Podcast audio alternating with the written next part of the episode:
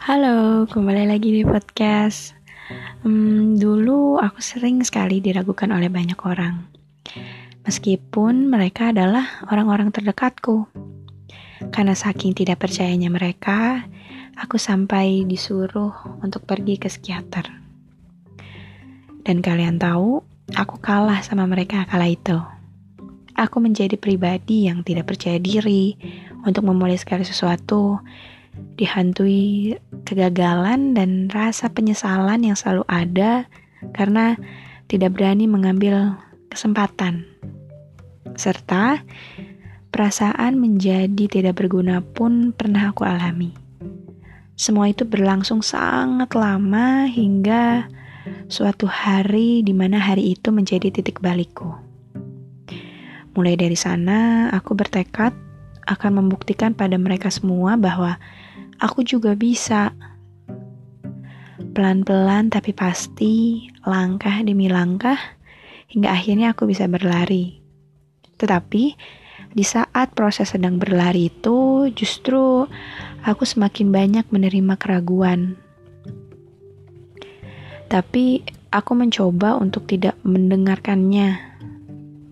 Hingga akhirnya aku sampai aku telah membuktikannya pada mereka. Kalau ditanya apakah aku senang, ya tentu aku senang.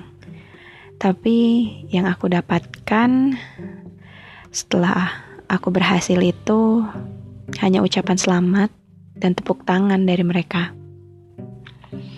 Dari situ aku menyadari satu hal, bahwa tidak perlu tuh capek-capek membuktikan pada orang lain. Karena buah yang didapat hanya kalimat selamat dan tepuk tangan. Tidak ada yang lebih spesial dari itu. Sudah semestinya pembuktian itu ditujukan untuk diri sendiri, mengalahkan diri sendiri dan membawanya ke tempat yang lebih tinggi. Di situlah rasa puas yang sesungguhnya bagian terpentingnya dari pengalamanku itu ini. Walaupun diragukan oleh banyak orang, tapi jangan sampai meragukan dirimu sendiri. Jangan biarkan omongan mereka membuatmu goyah.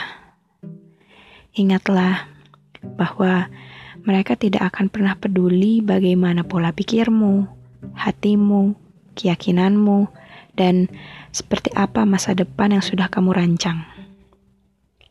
Jadi, buat apa kamu pedulikan keraguan mereka?